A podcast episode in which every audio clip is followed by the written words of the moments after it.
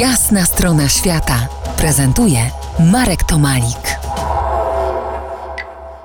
Marek Tomalik w trzeciej odsłonie moich niespiesznych refleksji dotyczących pożarów w Australii.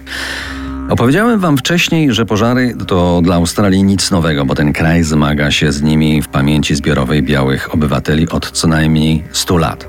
Opowiedziałem też, że w tym roku te pożary dotknęły najbardziej zurbanizowanej części Australii w okolicach dwóch metropolii Sydney i Melbourne co oczywiście podnosi ludzki, czyli medialny aspekt tragedii. Teraz spróbuję odpowiedzieć, dlaczego niedawne pożary były tej skali, nazwanej nawet apokalipsą. Moje refleksje będę opierał na mojej wiedzy z wielokrotnych podróży po tym kraju od ponad już 30 lat, z rozmów z moimi przyjaciółmi oraz trochę z dobrze filtrowanych doniesień medialnych.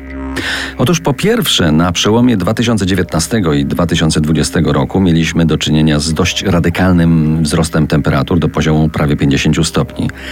Wartości odnotowanej 4 stycznia w Penrith, zachodniej dzielnicy Sydney, które to miejsce w tym czasie zresztą było najgorętszym miejscem na całej naszej planecie.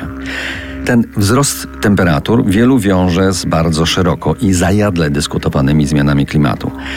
Ja się tej polemiki nie podejmuję, bo mam, mamy za mało danych, aby wiarygodnie potwierdzić taki stan rzeczy, a ponadto jako geolog z wykształcenia wiem, że zmiany klimatu to proces długotrwały i to w skali geologicznej czasu planety, czyli nie tyle lat, co setek tysięcy lat.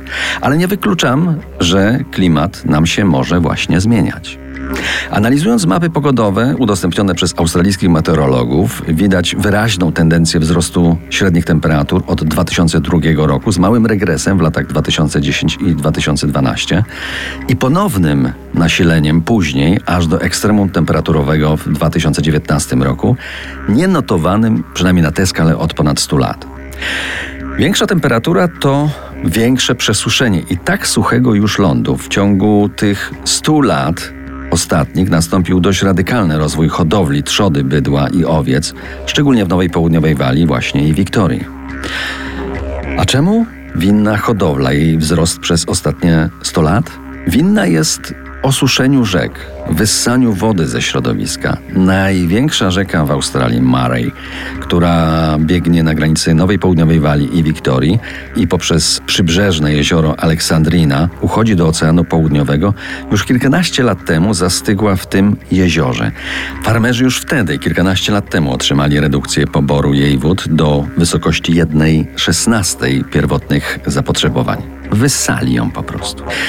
Rozmawiając o climate change, rozmawiajmy o mental change. Rozmawiajmy, jak powstrzymać postęp i zastąpić go regresem. I to jest moim zdaniem sedno sprawy na dziś. Jeśli to się uda, to może okazać się, że zmiany klimatyczne, jeżeli takie są, zostaną w znacznej części wyhamowane. Za kilkanaście minut opowiem o jeszcze innych sprawcach pożarów w południowo-wschodniej Australii. Zostańcie z nami po jasnej stronie świata. To jest jasna strona świata w RMS Classic.